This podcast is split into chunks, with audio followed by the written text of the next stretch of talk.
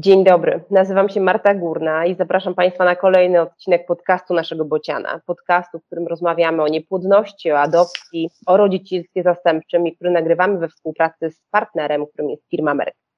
Tematem e, dzisiejszej rozmowy jest e, surogacja, a zaprosiłam do niej Jakuba Korusa, dziennikarza, reportażystę, autora książki Surogatki. Historie kobiet, które rodzą po cichu. Dzień dobry Panie Jakubie. Dzień dobry Pani Marto, dzień dobry Państwu półtorej roku temu e, świat obiegły zdjęcia e, ponad setki dzieci, maleńkich dzieci, które e, w hotelu, który właściwie wyglądał jak, jak żłobek sprzed lat, czekają na swoich rodziców. One wtedy czekały dlatego, że zastała je pandemia, zamknięto granice i rodzice intencyjni nie mogli tych dzieci odebrać. Dzisiaj jesteśmy jeszcze bardziej wstrząśnięci, bo kolejne, myślę, że już setki dzieci czekają na swoich rodziców e, w schronach, e, bo zastała je wojna. To prawda. To ja tylko w nawiązaniu powiem, powiem na początek, że to jest w ogóle jakaś dziwaczna, historyczna paralela, której, e, której my wszyscy i ja też jako dziennikarz doświadczam. To znaczy, kiedy jakby zaczynałem zmagać się z tym tematem, to Hotel Wenecja i tych e, kilkadziesiąt najpierw noworodków zostawionych, zostawionych na tej sali, o której pani wspomniała. Dziś po dwóch latach, kiedy książka się już pokazała, znowu te same obrazki ze schronów. Mam jakieś ciarki po prostu, ale faktycznie jest tak, że gdyby nie te obrazki, to my byśmy tak naprawdę nie zdawali sobie, myślę, do dzisiaj e, sprawy z tego, czym surogacja jest, a na pewno nie zdawalibyśmy sobie z jej sprawy i to sprawy jakby pod naszą granicą, pod naszym bokiem, bo zaraz u naszych sąsiadów Ukraińców. I teraz, czym jest surogacja?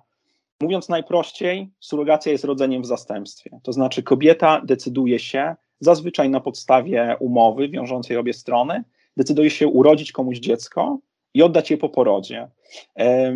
Rodzi je różnie, to znaczy rodzi je czasami dla par, czasami dla par heteroseksualnych, czasami nieheteroseksualnych, czasami dla singli, czasami dla, y, dla, y, dla po prostu dla pojedynczych osób, które chciały z tej surogacji i mogły z tej surogacji skorzystać. Ale słowem i najprościej mówiąc, jest to urodzenie w zastępstwie, to znaczy biorę na siebie rodzaj takiej po prostu powinności bycia matką zastępczą, choć tutaj też trzeba wspomnieć, że surogatki w ogóle nie lubią określenia macierzyństwo zastępcze i nie lubią określenia matka zastępcza. Dla nich matka jednak implikuje coś więcej, to znaczy matka implikuje wychowanie dziecka, a surogatka jest po prostu kobietą, która to dziecko urodzi. E, a kim są rodzice? Rodzice intencyjni. E, w przestrzeni publicznej utarł się taki obrazek, że to e, na pewno są pary bardzo dobrze sytuowane, świetnie też sytuowane zawodowo, z jakąś wysoką pozycją zawodową, pary, które, pary albo osoby, bo niekoniecznie pary, które w swoim życiu, w swoim grafiku nie znajdują czasu na zaplanowanie ciąży, na samą ciążę, na połóg, pary, które decydują się i osoby, które decydują się na usługę surogacji z wygody. Czy tak rzeczywiście jest? No, ja muszę przyznać, że to jest stereotyp, który mi też towarzyszył po prostu, kiedy zaczynałem, e, zaczynałem się borykać w ogóle z tematem surogacji. To znaczy, faktycznie obraz rodzica, który z jakiegoś powodu, zazwyczaj z pewnej wygody, nie chce zdecydować się na po prostu bycie rodzicem, e, bo mu to przeszkadza w karierze, albo przeszkadza mu, nie wiem, ze względu na to, że nie chce, nie chce zmian w swoim ciele oglądać. E, I szybko okazało się, że to jest absolutnie fałszywy obraz. To znaczy, że mm, jeżeli miałbym znaleźć jakiś wspólny mianownik dla wszystkich tych rodziców, z którymi ja rozmawiałem i którzy zdecydowali się na surrogację, to są ludzie umęczeni. To znaczy, to są ludzie, którzy zazwyczaj spróbowali już kompletnie wszystkiego. To znaczy, ludzie od lat zmagający się z niepłodnością albo próbujący się ułożyć z bezpłodnością, z którą nie do końca cokolwiek mogą zrobić. E, ludzie często, y, którzy próbowali takich rozwiązań jak na przykład adopcja, ale z jakiegoś powodu e, okazywało się, że ona nie jest dla nich. To znaczy, część z nich po prostu e, nie łapała się w te dosyć restrykcyjne ramy tego, kto może zostać rodzicem adopcyjnym i w Polsce, i na świecie, bo to nie jest tylko jakiś polski problem. E, rodzice z zagranicy mówili o tym samym. I, i, i, I oni po prostu w pewnym momencie dochodzili do ściany. E, I, I, ta ściana oznaczała, że albo zaczną się spełniać w jakichś innych rolach i w jakiś inny sposób spróbują zagospodarować, jeżeli mogę tak powiedzieć, ten instynkt macierzyński lub tacierzyński e, społecznie, albo zdecydują się właśnie na takie rozwiązanie, które gdzieś tam im się pojawiało, to znaczy części z nich podsuwali je w ogóle sami lekarze, powiedzmy w nieco bardziej liberalnych krajach. E, w innych wypadkach to oni sami wpadali na takie rozwiązanie jak surogacja, ale słowem nie było wśród moich rozmówców nikogo, kto y, faktycznie zgadzałby się z tym stereotypem takiego rodzica, rodzica, który dla wygody decyduje się na surrogację. Oczywiście byli to ludzie z różnych przekrojów społecznych, bardzo różni, to znaczy od Olgi, urzędniczki bankowej spod Ufy rosyjskiej, po Emilio, świetnie zarabiającego prawnika w Madrycie, e, ale to było bez znaczenia tak naprawdę. W całej tej rozmowie o surrogacji i o macierzyństwie, tacierzyństwie, na które się decydowali, to było wtórne. Ich wszystkich łączyło po prostu to, że od lat zmagają się i chcą mieć dziecko, chcą być rodzicami, a nie mogą nimi być. I to dla nich było wspólne po prostu. Tak to jest po drugiej stronie. Kim są surogatki, bo y, już wiemy, że, że nie lubią one, jak mówimy o nich, matki zastępcze. Kim są te dziewczyny, które decydują się, godzą się na to, żeby urodzić dziecko innej osobie bądź innej parze? Bardzo mi się podoba takie określenie, które podpowiedziała mi w ogóle ukraińska dziennikarka e, Maria, z którą gdzieś na początku całej tej podróży konsultowałem to, jak w ogóle z surogatkami z Ukrainy rozmawiać. To znaczy, jak nie podejść w ten taki klasyczny zachodnioeuropejski, stereotypowy sposób dziennikarza, który pochyla się nad kobietą bidulką, która zdecydowała się z jakiegoś powodu albo została zmuszona rodzić komuś dziecko. I co się okazało? Okazało się, że to są po prostu kobiety w potrzebie. E, I takiego określenia się trzymam. To znaczy, te potrzeby są różne. E, Polina, 27-letnia matka dwójki dzieci, zdecydowała się na surrogację, bo odkładają na dom. E, Olga została zmuszona, że tak powiem, przez okoliczności życiowe do surrogacji, bo została sama, mając naście lat, z synem i musiała uciekać z Donbasu. Jarosławna, która potrzebowała pieniędzy. Więc to jest jakaś potrzeba.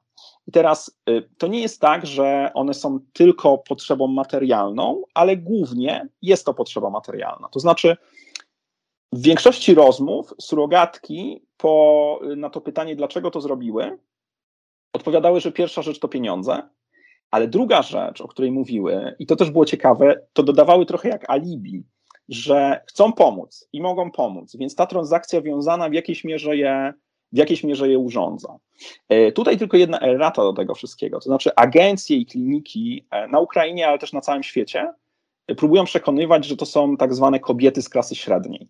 To nie są kobiety z klasy średniej. Pomijam już fakt, że na Ukrainie tak naprawdę klasa średnia hmm, istnieje tylko w dużych miastach i jest bardzo nieliczna. To znaczy te przepaści pomiędzy, pomiędzy kimś kiepsko zarabiającym, a tym kimś po prostu oligarchiczno zarabiającym są ogromne. E, więc większość osób, to jest e, większość surogatek, to są po prostu kobiety, które sytuacja materialna zmusiła do tego. I co ciekawe, ten przekrój tego, kto zostaje surogatką na świecie, gdyby tak spojrzeć na taką mapę globalną, jest bardzo różny.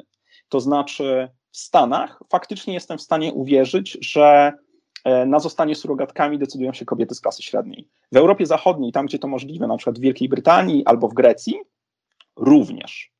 E, a na pewno te, te różnice nie są tak wielkie. E, natomiast w krajach, które byśmy nazwali krajami na dorobku albo krajami rozwijającymi się, jak zwał, tak zwał, czyli na przykład na Ukrainie, czy w Indiach, Tajlandii, Nepalu, tam raczej zostają kobiety, które po prostu zmusza do tego e, sytuacja materialna. I ta ekonomia ma znaczenie. To znaczy, we wszystkich takich kłótniach, kiedy ktoś mnie próbuje przekonywać, że te dziewczyny same zdecydowały, one miały wybór i tak dalej, ja zawsze zadaję pytanie, dlaczego dla całej Europy tak naprawdę dzieci rodzą Ukrainki e, bez wyższego wykształcenia, a nie, nie wiem, e, szwajcarskie dentystki albo francuskie szablistki, świetnie sytuowane. No po prostu. Jakoś zmusza je do tego po prostu cała sytuacja. Aczkolwiek, i tutaj tylko jedno zdanie chciałbym dodać, że one znoszą tę sytuację bardzo godnie w większości przypadków. To znaczy, one nie chcą litości, to znaczy surogatki nie lubią takiego litowania się, pochylania nad nimi. One raczej traktują to jako jakąś decyzję życiową, do której zostały zmuszone. E, być może, gdyby to nie było konieczne, nie robiłyby tego w ten sposób, e, ale nie lubią e, głaskania po głowie, litowania się, jakby załamywania rąk. Nie dla wszystkich, i to jest być może tutaj jakby kluczowe w tym pytaniu, nie dla wszystkich to jest trauma też. To znaczy ten obrazek, że to musi być trauma, oddawanie tego słynnego dziecka noszonego pod sercem. To jest taki sam stereotyp jak y, rodzice celebryci, którzy decydują się na surrogację. Nie ma nic wspólnego z rzeczywistością. tutaj zahaczyliśmy właściwie o bardzo mocno kwestie finansowe i myślę, że to jest taki moment, w którym warto uściślić, że surogacja ma wiele typów. Ona odbywa się w różnych miejscach na świecie w różny sposób. I mamy na świecie surrogację komercyjną i altruistyczną. Na czym polega ta różnica?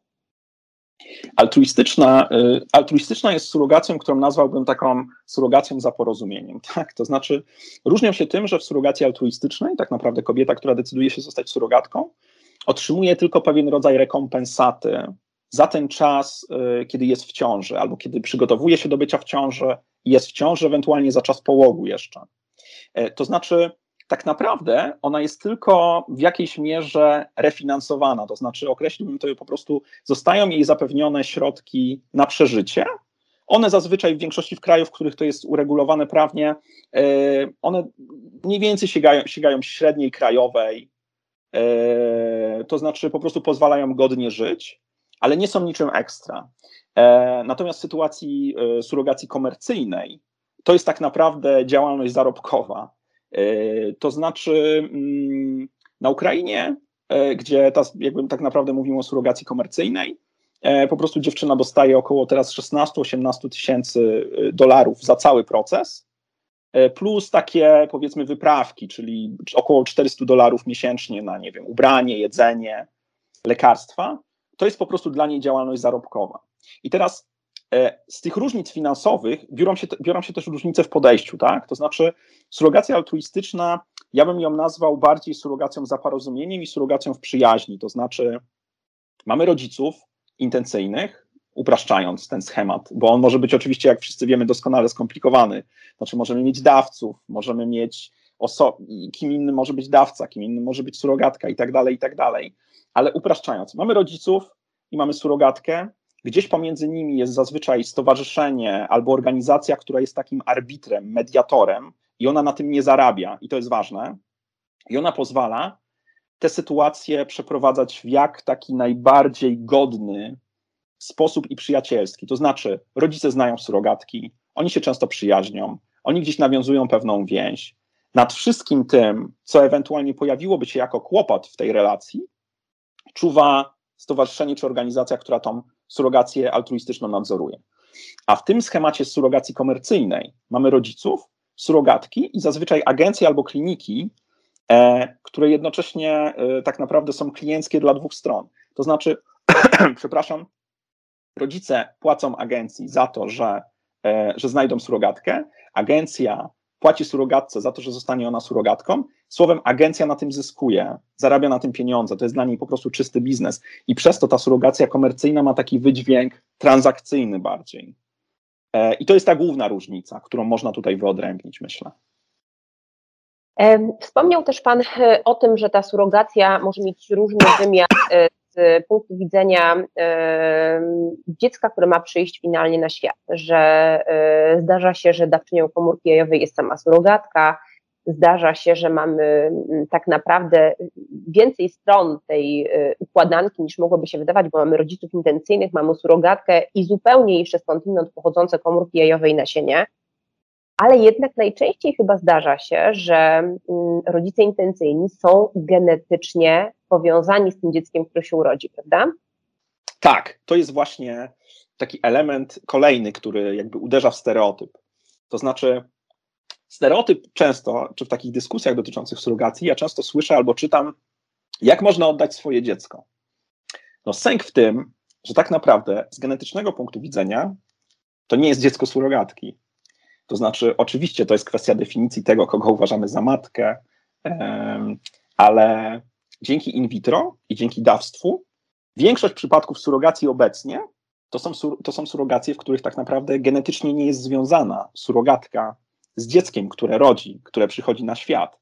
Natomiast powiązani w sytuacji idealnej stuprocentowo, w sytuacji nieidealnej 50%, E, z dzieckiem związani genetycznie są rodzice, to znaczy jeden z rodziców jest po prostu dawcą. E, w większości zresztą krajów, i na Ukrainie tak jest, ten rodzic powinien być dawcą, o ile tylko możliwe, przynajmniej jeden z rodziców powinien być dawcą. E, I teraz to też jakby dotyka takiego ciekawego elementu myślenia o surogacji na świecie w ogóle, to znaczy E, większość skandali dotyczących surogację, które ułożyły i ustawiły nasze myślenie dotyczące macierzyństwa zastępczego, e, a w niektórych krajach, jak na przykład w krajach anglosaskich, ułożyły w ogóle prawodawstwo, to są tak naprawdę skandale z lat 80., kiedy matka faktycznie była dawczynią, to znaczy in vitro nie było popularne, ono dopiero raczkowało. I wtedy z jakichś powodów, niekoniecznie, dzisiaj już do, nie do rozstrzygnięcia jakich, być może pewnie jakichś psychologicznych, matki nie chciały oddawać dzieci. E, to znaczy słynna historia Baby M ze Stanów z lat 80., kiedy po prostu Mary Whitehead nie chciała oddać dziecka, które urodziła, a właściwie oddała je najpierw, potem chciała je odebrać. Skończyło się batalią. E, łatwo sobie wyobrazić, że batalią relacjonowaną przez po prostu tabloidy i media na całym świecie. I stąd jakby i z tego typu skandali wzięło się przekonanie, że y, surogatki nie chcą oddawać dzieci. To znaczy, bo gdzieś są z nimi związane. Sęk w tym, że tak jak mówię, wracam, nie są związane w większości przypadków, a po drugie, największą obawą surogatki, wbrew temu, co jakby twierdzi powszechna opinia, jest to, że rodzice nie odbiorą dziecka. To znaczy, tak jak największą obawą rodziców jest to, że surogatka dziecka nie odda, tak największą obawą surogatek jest to, że rodzice dziecka nie odbiorą. Więc to idzie kompletnie w poprzek tego, co o surogacji zwykliśmy myśleć. A co z surogacją, w której udział biorą osoby zaprzyjaźnione albo wręcz e, pokrewnione? Bo to też jest jedna z opcji. Może, może całkiem dobra, choć, choć też nieprosta, prawda? Niełatwa. Bo przecież zdarza się, że mm, surogatką y, zostaje siostra, przyjaciółka, a czasami matka mamy intencyjnej.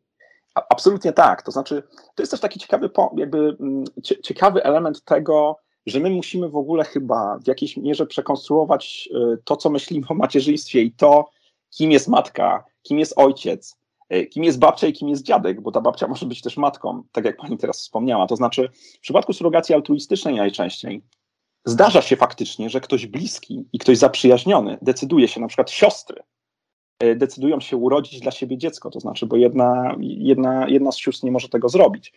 Zdarzają się faktycznie, tak jak pani wspomniała, matki, które rodzą dzieci dla córek. I, i to absolutnie funkcjonuje. to znaczy, to nie jest coś, y, to nie jest coś, to nie jest coś, nie wiem, kurczę, zdrożnego, skandalicznego. One to robią z naprawdę jakiejś wielkiej potrzeby serca. Olga, która jest jakby bohaterką mojej książki, o której wspomniałem, pochodząca z UFY, e, urzędniczka, ona mi powiedziała, że oni na początku w ogóle rozważali e, taką opcję, że, że jej mama urodziłaby urodziłaby to dziecko. Mama jej to zaproponowała. E, więc, więc jakby medycyna absolutnie na to pozwala.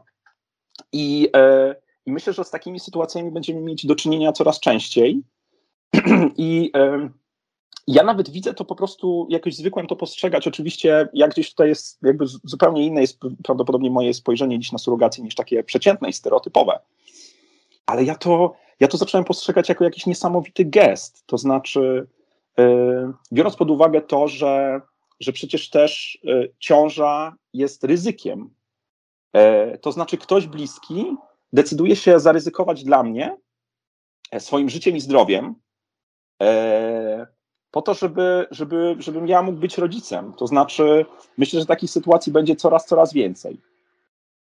W Polsce surogacja pozostaje poza regulacjami prawnymi. Matką bez względu na wszystko w zasadzie jest y, ta kobieta, która urodziła dziecko. E, I mimo, że nie ma bezpośrednio prawnego zakazu y, surogacji, y, to jakiekolwiek próby uczestniczenia w procesie surogacji mogą być postrzegane nawet jako handel ludźmi i bardzo surowo karane.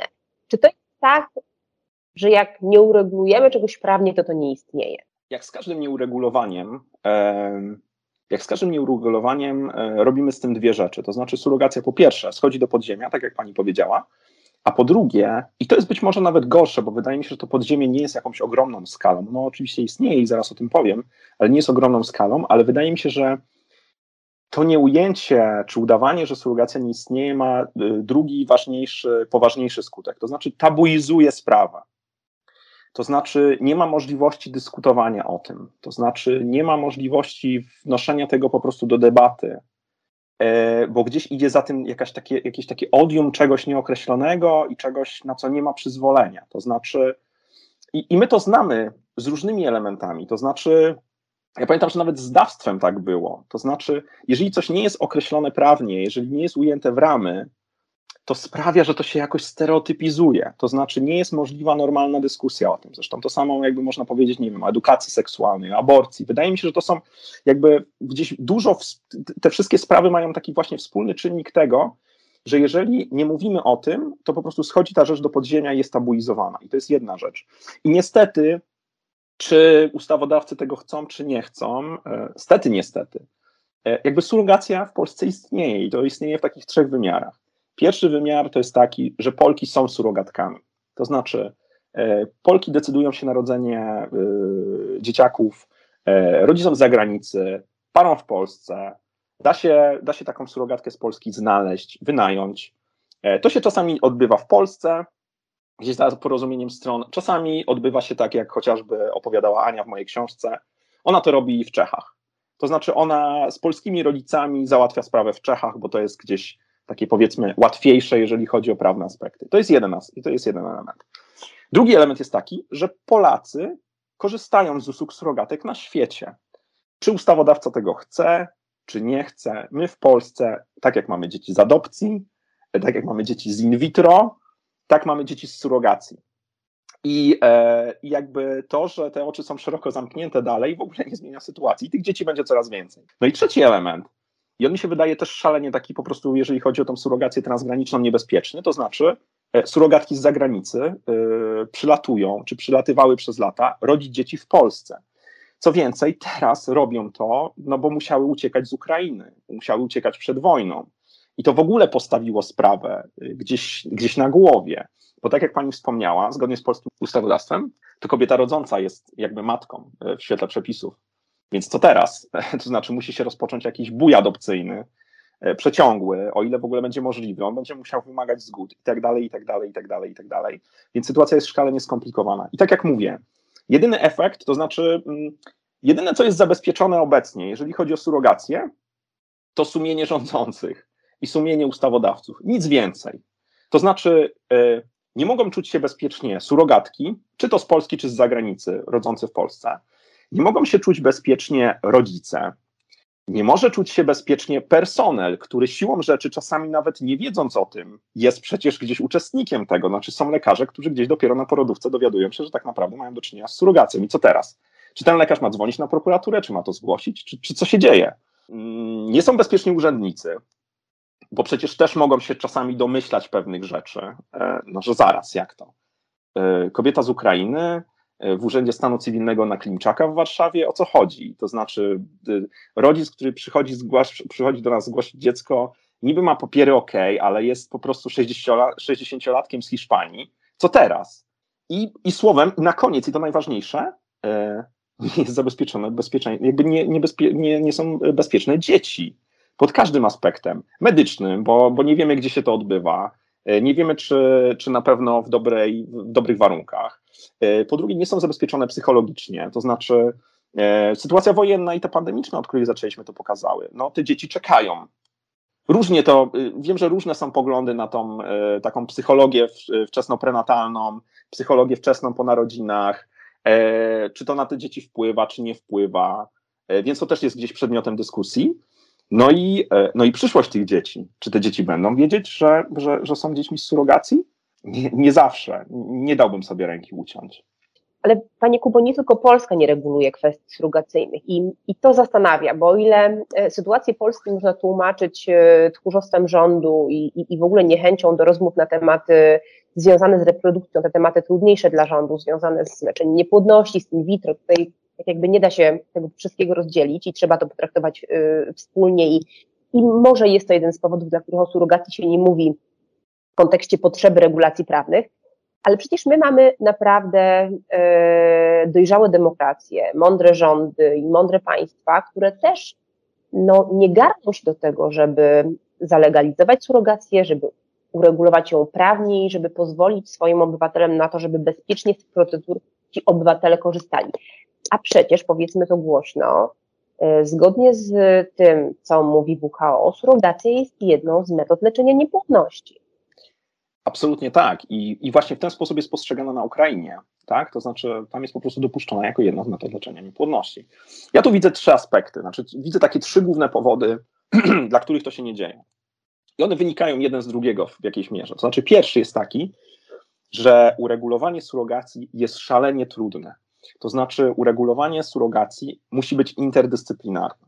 No bo pomyślmy, tutaj wchodzi wszystko, to znaczy wchodzi prawo karne w jakiejś mierze i skrajnym przypadku, e, wchodzi prawo cywilne, e, wchodzą procedury medyczne, wchodzą procedury adopcyjne. To znaczy tutaj trzeba powołać interdyscyplinarny zespół, który, mm, który w jakiejś mierze y, przewróci do góry nogami część elementów wszystkich tych, tych, y, tych y, przepisów z różnych dziedzin, które trzeba by po prostu uregulować. I teraz, zanim by się to zaczęło, musiała być na ten temat dyskusja. W większości krajów takiej dyskusji nie ma. I teraz, dlaczego ich nie ma? I tutaj w jakiejś mierze wchodzę w takie bardzo swoje subiektywne oceny, wynikające też z tego, czego doświadczyłem z rozmów z rodzicami i jakby badania tych systemów prawnych i tego, czym one się różnią. To znaczy, ja nie mam złudzeń, że Europie Zachodniej jest wygodnie mieć takie huby surogacyjne e, gdzieś zaraz pod bokiem. To znaczy, też taka y, ewolucja tego, co to są za miejsca, ona pokazuje, o co tutaj chodzi. To znaczy, po pierwsze, e, mamy początek drugiej dekady XXI y, wieku. Takim hubem surogacyjnym staje się Azja, to znaczy Indie, Nepal, Tajlandia. Dlaczego? Ponieważ jest tam re, re, relatywnie łatwo dotrzeć. One mają y, taką tradycję, na, nazwałbym ją w przypadku Azji neokolonialną, to znaczy mamy tam elity, E, to znaczy wiemy, jak tam zainwestować pieniądze, otwieramy tam kliniki, a przy tym ta przepaść finansowa jest ogromna. To znaczy bardzo łatwo, jest tanio wynająć surogatkę. Bo też musimy pamiętać o tym, że to tutaj nie ma próżni. To znaczy, jeżeli sobie porównamy na przykład koszty procedury surogacyjnej na świecie, to tak naprawdę musimy wiedzieć, że zbijanie ceny e, jest tak naprawdę, y, y, zachodzi tylko tak naprawdę poprzez tanią siłę roboczą. To znaczy, praca lekarzy y, na tym poziomie jest mniej więcej na całym świecie wyceniana podobnie. Procedur medycznych, lekarstw podobnie to, czym zbija się ceny w takich krajach jak na przykład Indie, czy zbijało się, to jest tak naprawdę po prostu cena surogatki, która może dostać o wiele mniej niż surogatka amerykańska. No bo też pamiętajmy, że surogacja, na przykład w Stanach czy w Kanadzie, w większości Stanów, nie we wszystkich, ale już niemal, niemalże we wszystkich, e, czy w Kanadzie, jest możliwa, jest dopuszczalna, tylko że tam kosztuje od 150 tysięcy dolarów w górę, a na Ukrainie kosztuje od 50 tysięcy. Bogatemu Zachodowi jest łatwo tworzyć takie miejsca i to jest po prostu wygodne. Nie mamy problemu u siebie, potem ewentualnie robimy problemy z jakąś rejestracją tych dzieci, e, ale, że tak powiem, jakby zrzucamy to ze swoich barków, nie musimy powoływać tego całego, e, całego zespołu interdyscyplinarnego, który przewróci nam nasze ustawodawstwo do góry nogami.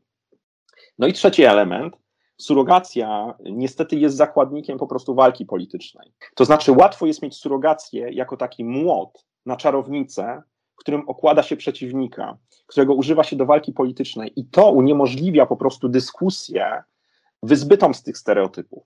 E, dyskusję, która opierałaby się po prostu na badaniach, dyskusję, która opierałaby się mm, na takim trzeźwym oglądzie rzeczywistości. Bo pamiętajmy, że w sytuacjach, w których surogacja jest tabuizowana, można tutaj mówić o Ukrainie, ale tabuizowana w ten sposób, że na przykład, nie wiem, mieszkańcy Hiszpanii, Francji czy Niemiec nie chcą mówić o tym, że skorzystali z usług surogacji, nie jesteśmy w stanie zbadać skali, nie jesteśmy w stanie zbadać y, tego, jak to wpływa na wszystkich uczestników e, tak naprawdę tego procesu, tak?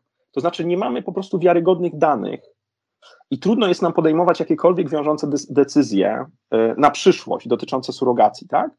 I to są takie trzy główne elementy, wydaje mi się. Czyli to, po pierwsze, trudność interdys interdyscyplinarna, to znaczy surogacja jest skomplikowana, jest super skomplikowana, ujęcie wszystkich jej aspektów będzie super trudne. Po drugie, pewna taka wygoda bogatego zachodu, który woli to załatwiać po prostu w krajach, gdzie to jest tańsze i lubi mieć takie kraje, bo też pamiętajmy, że część klinik, które działały wcześniej w Azji, a teraz działają na Ukrainie, to są kliniki z, e, z obcym kapitałem, to nie są kliniki zakładane przez kapitał ukraiński, tylko często na przykład przez sieci medyczne działające w Europie Zachodniej. I trzeci element, surogacja jako zakładnik, e, jak wiele tematów związanych z reprodukcją, e, surogacja jako zakładnik po prostu walki politycznej, znaczy surogacja wykorzystywana do naparzanki. Zresztą w Polsce też te wszystkie historie o, o handlu dziećmi, o jakichś targach dzieci w Holandii, no absolutnie wyssane z palca, to znaczy mające jak każde takie kłamstwo gdzieś ziarnko prawdy, ale rozbuchane do jakichś nie wiadomo, nie wiadomo jakich, jakich rozmiarów. Więc to są te trzy główne powody, dla których moim zdaniem no, surogacja, czy takie ujęcie jej, jej w ramach prawnych wygląda jak wygląda. To, co Pan mówi, może yy, zastanawiać, ale, ale też mnie mocno niepokoi, bo, bo przychodzi mi na myśl jeszcze jeden aspekt, taki, że yy, kiedy leczenie niepłodności wiąże się nie tylko z dużym obciążeniem yy, związanym z, z wysiłkiem i, i organizmu, i z wysiłkiem pary czy osoby, i z wysiłkiem związanym z tym, że to jest bardzo obciążające mm, z takiego psychologicznego punktu widzenia, ale też jest ogromnym wysiłkiem ekonomicznym, bo akurat w Polsce to leczenie niepłodności nie jest refundowane. I o ile w innych krajach ono refundowane jest, o tyle jednak wciąż naraża pary na ponoszenie niejednokrotnie no, dużych kosztów związanych z tym dążeniem do rodzicielstwa. I teraz, jeżeli wrócimy do początku naszej rozmowy, gdzie, gdzie mówił Pan, że to są pary umęczone już długą drogą do rodzicielstwa, to ten aspekt finansowy może się okazać kluczowy. No i chyba to właśnie jest powód tego, że nawet jeżeli weźmiemy pod uwagę Wielką Brytanię, która ma jedne z lepszych uregulowań prawnych dotyczące surogacji, to to nie zmienia faktu, że dla większości Brytyjczyków, którzy z surogacji korzystają, dzieci tak rodzą Ukraińcy. Absolutnie tak. To znaczy, to, to, to jest coś kluczowego. Znaczy, myślę, że dotykamy jakby rzeczy kluczowej tutaj, czyli bez względu na to, czy my byśmy się zdecydowali na altruistyczną czy komercyjną surrogację, ona będzie kosztować. E, ponieważ nawet jeżeli to będzie po prostu rekompensata pewna za 9 czy 12 miesięcy plus połóg, przepraszam, to to jest koszt, który trzeba ponieść. Więc słowem, tworząc takie przepisy, musielibyśmy też zacząć dyskusję o refundacji i teraz, I teraz chciałbym, żeby wszyscy, którzy nas słuchają i którzy być może jakby po raz pierwszy w ogóle zderzają się z tematem surogacji, jeżeli już ich trochę oswoiliśmy z samą surogacją, to chciałbym, żeby teraz sobie pomyśleli, powiedzieli słowo refundacja surogacji i teraz się z tym zderzyli. Bo to jest już jakby kolejny element, tak, moim zdaniem. To znaczy, że surogacja, ułożenie się z nią, e, wyzbycie się stereotypów, to znaczy jakaś taka, rodzaj jakiejś takiej mądrej debaty na jej temat, to jest jedno. Ale co potem? Jeżeli już przedebatujemy, jeżeli już mamy dobre prawo, to przecież nie wszystkich będzie na to stać. To znaczy, surogacja altruistyczna, co nie zapewni potrzeb wszystkich, to znaczy po prostu. I to jest jakby wielka dyskusja, i tak naprawdę tu jest jakiś taki. Wydaje mi się, że dotykamy rzeczy, która, który jest jednocześnie surogacja jakby końcem, ale też praprzyczyną. To znaczy, my się musimy zastanowić nad po prostu plagą niepłodności, która trapi społeczeństwa zachodnie. To znaczy, surogacja jest jednym z elementów tak naprawdę całej układanki. I nie mówię już teraz, tak jak pani wspomniała, nawet nie, nie mówiąc o Polsce, gdzie w ogóle to kuleje na każdym z, każdym z tych kroków, to znaczy kuleje tak naprawdę już edukacja seksualna. Potem, y, potem dostęp do antykoncepcji, potem y, jakby leczenie. Te pary tracą czas, ci ludzie tracą czas. On tyka, zegar tyka. Jest tego czasu coraz mniej, to znaczy oni do tej surogacji na przykład dochodzą coraz później dochodzą do adopcji coraz później. Tym bardziej, że coraz później zaczynają w ogóle o macierzyństwie, tacierzyństwie, rodzeniu dzieci, bycie rodzicem myśleć. Więc surogacja, wydaje mi się, będzie też jakimś takim elementem dyskutowania o całym, o, o naszej płodności w ogóle i o tym, jak my chcemy o nią zadbać, to znaczy jako społeczeństwa rozwinięte, e, jak chcemy podejść do, do tego problemu, że kurczę, jest, jest coraz trudniej, coraz więcej naszych znajomych, przyjaciół ma problem z, jakby z zostaniem rodzicem. I surogacja gdzieś tu będzie jednym po prostu z elementów. I tak jak mówi WHO, ona może być jednym ze sposobów po prostu radzenia sobie z sytuacją, ale, ale my tak naprawdę potrzebujemy kompleksowych rozwiązań. I surogacja to pokazuje. To znaczy, że nawet jeżeli wy, wykluczymy te wszystkie patologiczne elementy, które się przy surogacji ciągle pojawiają, bo ja też chciałbym to podkreślić, że Surogacja rodzi wiele patologii, nawet ta ułożona. W Ukrainie te sytuacje surogacyjne są często patologiczne, ale pomimo tego rodzice się na nie decydują. I teraz spójrzmy przez moment nie w ten taki stereotypowy sposób, jakby rodzica, który decyduje się, bo chce oszczędzić pieniądze, ale rodzica, który jest do tego zmuszony. E, chce być mamą, tatą, chce być dwiema mamami, tatami, chce być samotnym rodzicem, ale chce, chce być rodzicem, nie stać go na y, surrogację altruistyczną w swoim kraju, więc zaczyna szukać rozwiązań. To nie jest tak naprawdę, że ci wszyscy ludzie chcą jechać do nieznanego kraju na drugim końcu świata i zostawiać tam połowę majątku. Absolutnie nie. To, to jest po prostu coś, co jest gdzieś dla nich pewną ostatecznością. Więc najwyższa pora, żebyśmy też zaczęli się jakby zastanawiać, a w Polsce już szczególnie, nad tymi poprzednimi krokami. To znaczy, Oliwia, która jest cytowana, duża rozmowa w mojej książce, ona pokazuje całą, całą swoją drogę i w tej drodze jest wszystko. To znaczy, jest paskudnie postawiona diagnoza nastolatki, która nie będzie mogła mieć dzieci i nikt jej nawet w jakiś taki rozsądny sposób empatyczny nie potrafi o tym poinformować. Potem zostaje z tym sama.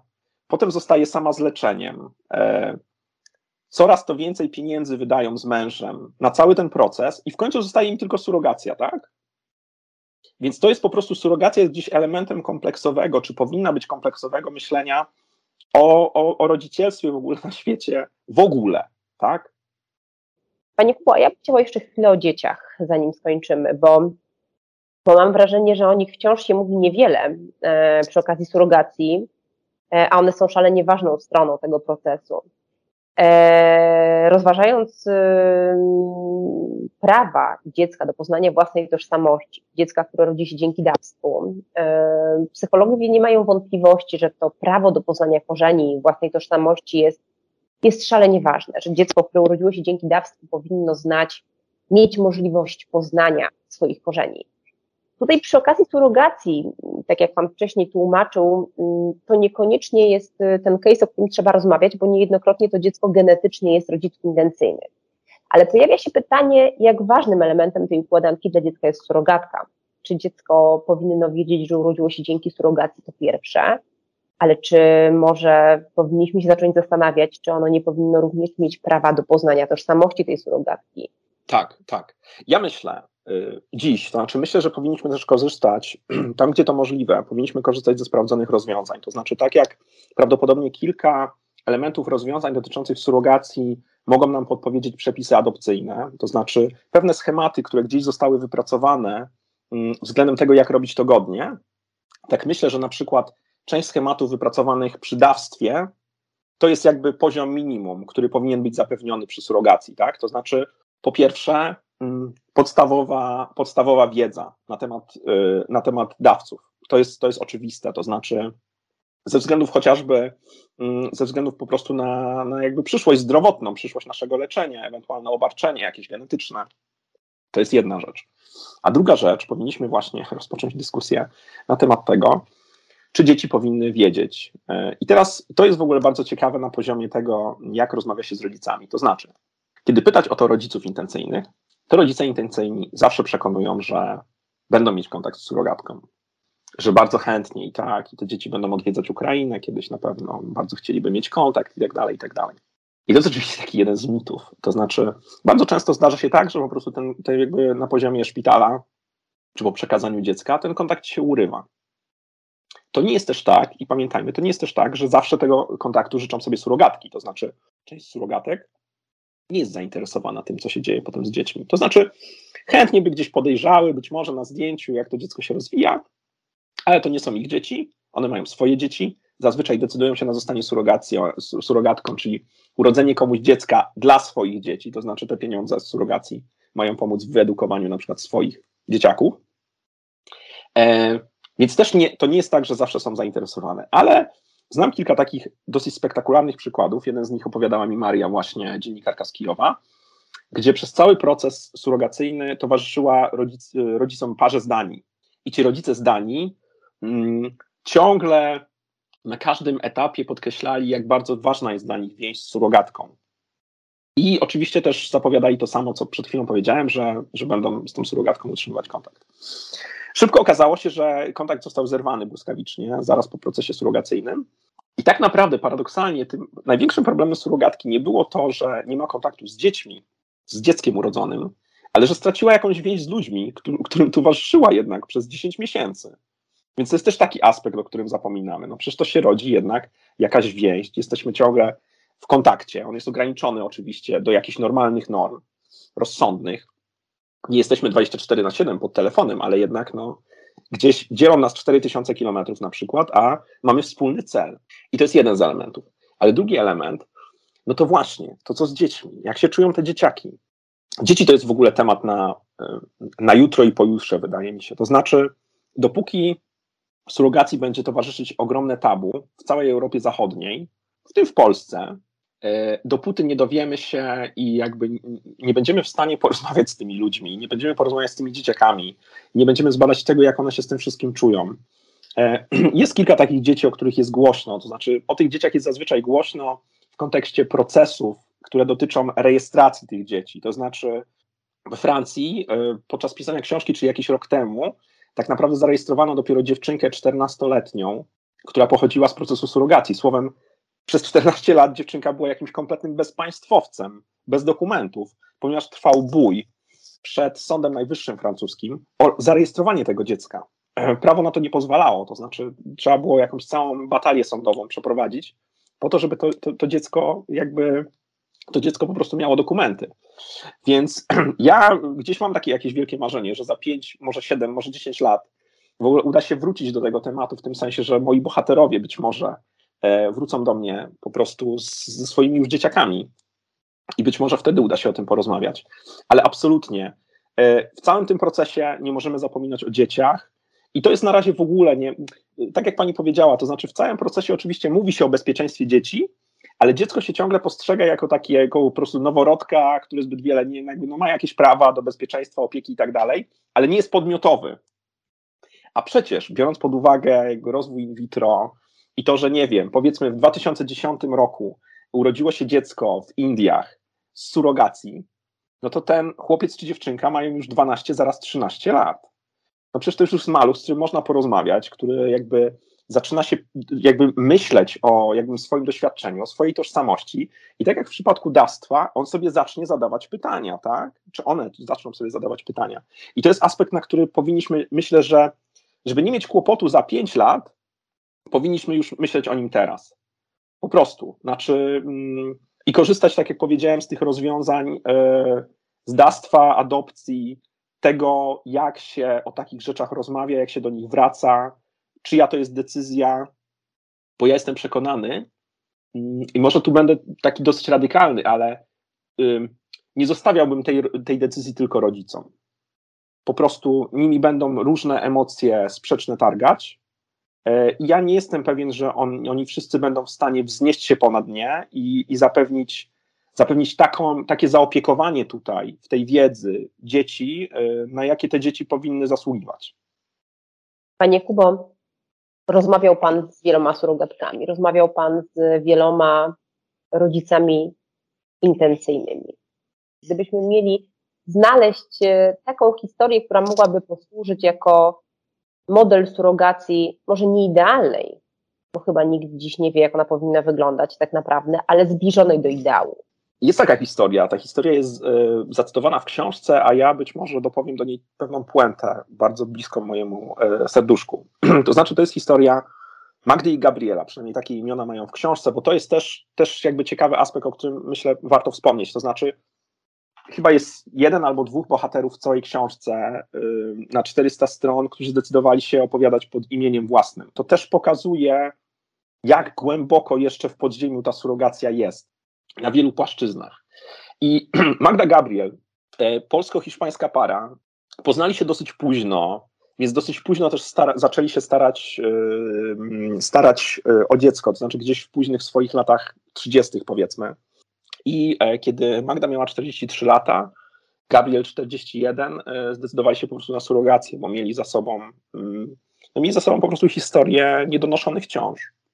I, I przyznają wprost, że ten czas leczenia, mimo że byli gdzieś zaopiekowani przez hiszpański system, który jest niezły pod tym względem, no był jakimś po prostu psychologicznym rollercasterem dla nich. To znaczy góra-dół, od nadziei po jakąś żałobę przecież, yy, jakiś gniew, yy, kompletne niepogodzenie się z tą sytuacją, do, do chwytania się kolejnego gdzieś tam, wpatrywania się w kolejne światełko w tunelu.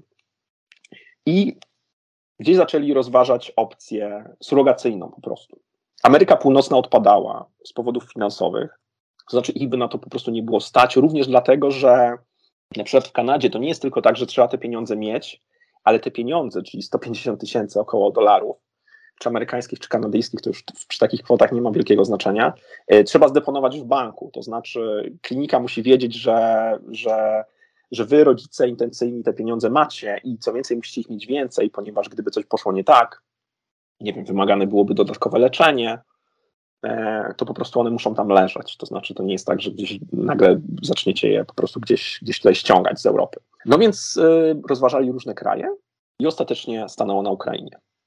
I teraz dlaczego uważam ich przykład za taki modelowy? Znaczy, po pierwsze, modelowy dlatego, że modelowe jest ich doświadczenie walki z niepłodnością. To znaczy, ono nie jest stereotypowe, oni nie są celebrytami, są zwykłymi ludźmi, takimi jak my wszyscy tutaj.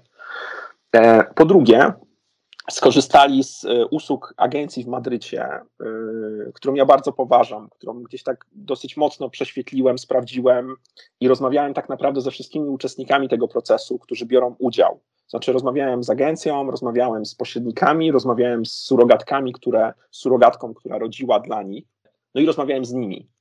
I wydaje mi się, że na tyle, na ile ja jestem w stanie to zweryfikować, to wszystkie strony były, mm, były zadowolone. Dlaczego? Ponieważ cały ten proces, jakkolwiek był to proces komercyjny, odbywał się w ogromnym szacunku. I o ten szacunek dbała tak naprawdę ta mała agencja madrycka. To znaczy, oni nie mieli e, pod sobą, tak jak Biotech.com, setki kobiet, setki surogatek, tylko naście. Agentka, która prowadziła cały ten proces surogacyjny, była w ogóle Ukrainką.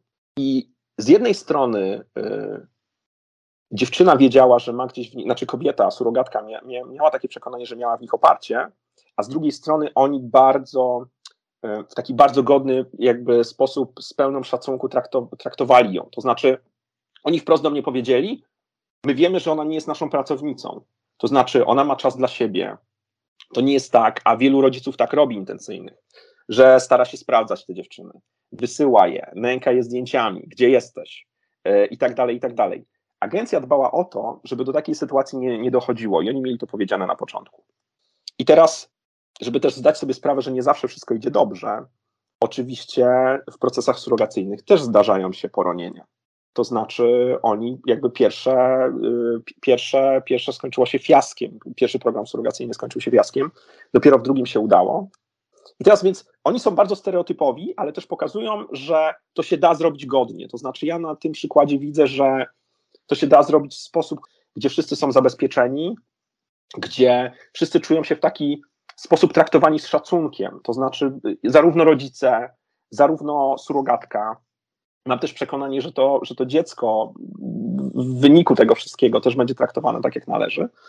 No i właśnie, yy, i to jest ta puenta, której nie ma w książce, to znaczy yy, ich córeczka Maja, urodziła się w Kijowie e, dwa albo trzy dni e, po premierze książki. Więc była dla mnie takim dzieckiem książkowym trochę.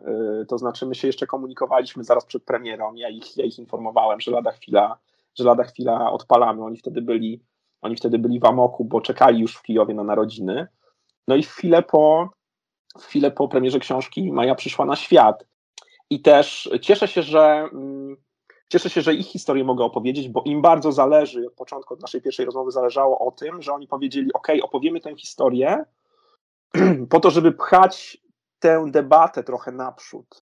To może brzmi jakoś, y, brzmi jakoś górnolotnie, ale oni się po prostu podzielili tą szalenie intymną jednak historią przecież, po to, żeby powiedzieć, hej, to da się zrobić dobrze, nie jesteśmy oderwanymi po prostu gdzieś urwanymi z choinki celebrytami, po prostu zmagaliśmy się wiele lat z niepłodnością. Surogacja była dla nas wyjściem. Oni wiedzą, że surogacja nie jest wyjściem dla wszystkich, tak jak adopcja nie jest wyjściem dla wszystkich, ale dla nich była. jeżeli tak, to wydaje mi się, że takie historie trzeba opowiadać i te historie być może, całą tę naszą debatę dotyczącą surogacji czy macierzyństwa zastępczego, choć trochę, powolutku pchną naprzód. Ta piękna historia i wiele innych, nie wszystkie z nich są proste i łatwe. W książce Jakuba Korusa Surogatki Historię kobiet, które rodzą po cichu, która ukazała się dzięki wydawnictwu Znak. Polecam Wam bardzo tą książkę. A Panu, Panie Kubo, serdecznie dziękuję za tą rozmowę. Te, te, rozmowy surogacyjne y, dają mi do myślenia, bardzo, bardzo porządkują pewne rzeczy i, i co ciekawe i ważne chyba y, też y, dla naszych słuchaczy, to nie jest tak, że my, którzy o surogacji wiemy trochę więcej, zawsze mamy wszystko już w tych głowach naszych poukładane. My też to ciągle układamy, bo to jest proces niezwykle trudny, naprawdę wieloaspektowy, ale ważny i podkreślmy raz jeszcze, jest to po prostu jedna z dróg wyjścia z niepłodności. Panie Kubo, bardzo dziękuję za rozmowę. Serdecznie dziękuję. Kłaniam się Państwu e, nisko. Do usłyszenia.